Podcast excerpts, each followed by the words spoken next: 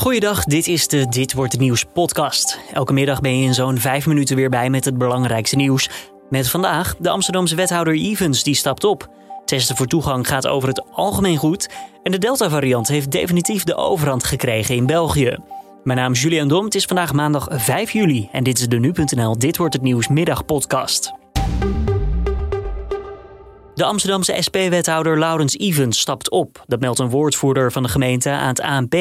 Tegenover de gemeenteraad heeft Evans opgebiecht dat hij grensoverschrijdende opmerkingen zou hebben gemaakt naar vrouwelijke medewerkers.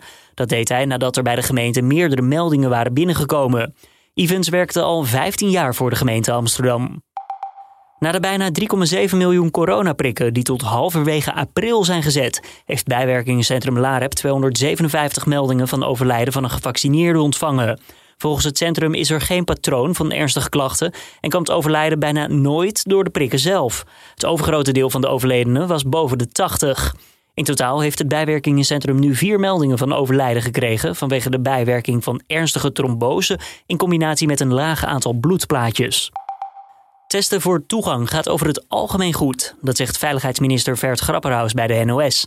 Hij benadrukt wel dat iedereen zich aan de regels moet blijven houden. Op sommige plekken ging het ook in het tweede weekend van test voor toegang niet goed. Er werd namelijk gesjoemeld met testbewijzen en volgens Grapperhaus is dat ongelooflijk onverstandig. De Delta-variant van het coronavirus heeft nu ook in België de overhand gekregen. Tegen het eind van de maand is het mogelijk dat in België alleen nog deze variant wordt aangetroffen bij testen.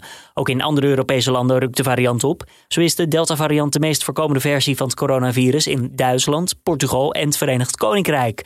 Naar verwachting is het ook al zo in Nederland, al is dat nog niet officieel bevestigd.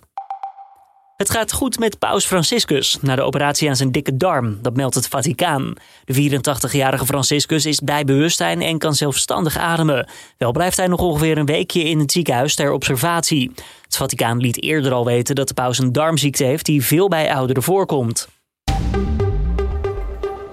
Dan nog even het weer van Weerplaza. Verspreid over het land komen enkele buien voor. Het is zo'n 20 graden. Vanavond eventjes droog, maar niet voor lang. S'nachts namelijk regen. En morgen dan wisselvallig, maar wel ietsjes warmer. 20 tot 23 graden dan.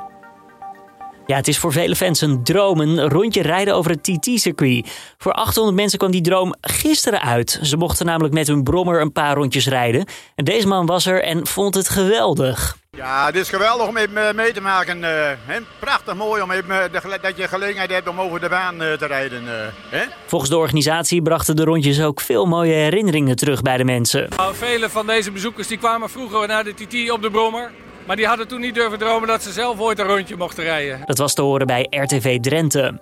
En dit was hem dan weer, de Dit Wordt het Nieuws podcast van deze maandag 5 juli. Tips en feedback zijn altijd welkom. Kan je sturen naar podcast.nu.nl. Mijn naam is Julian Dom. Ik wens je voor nu een fijne avond.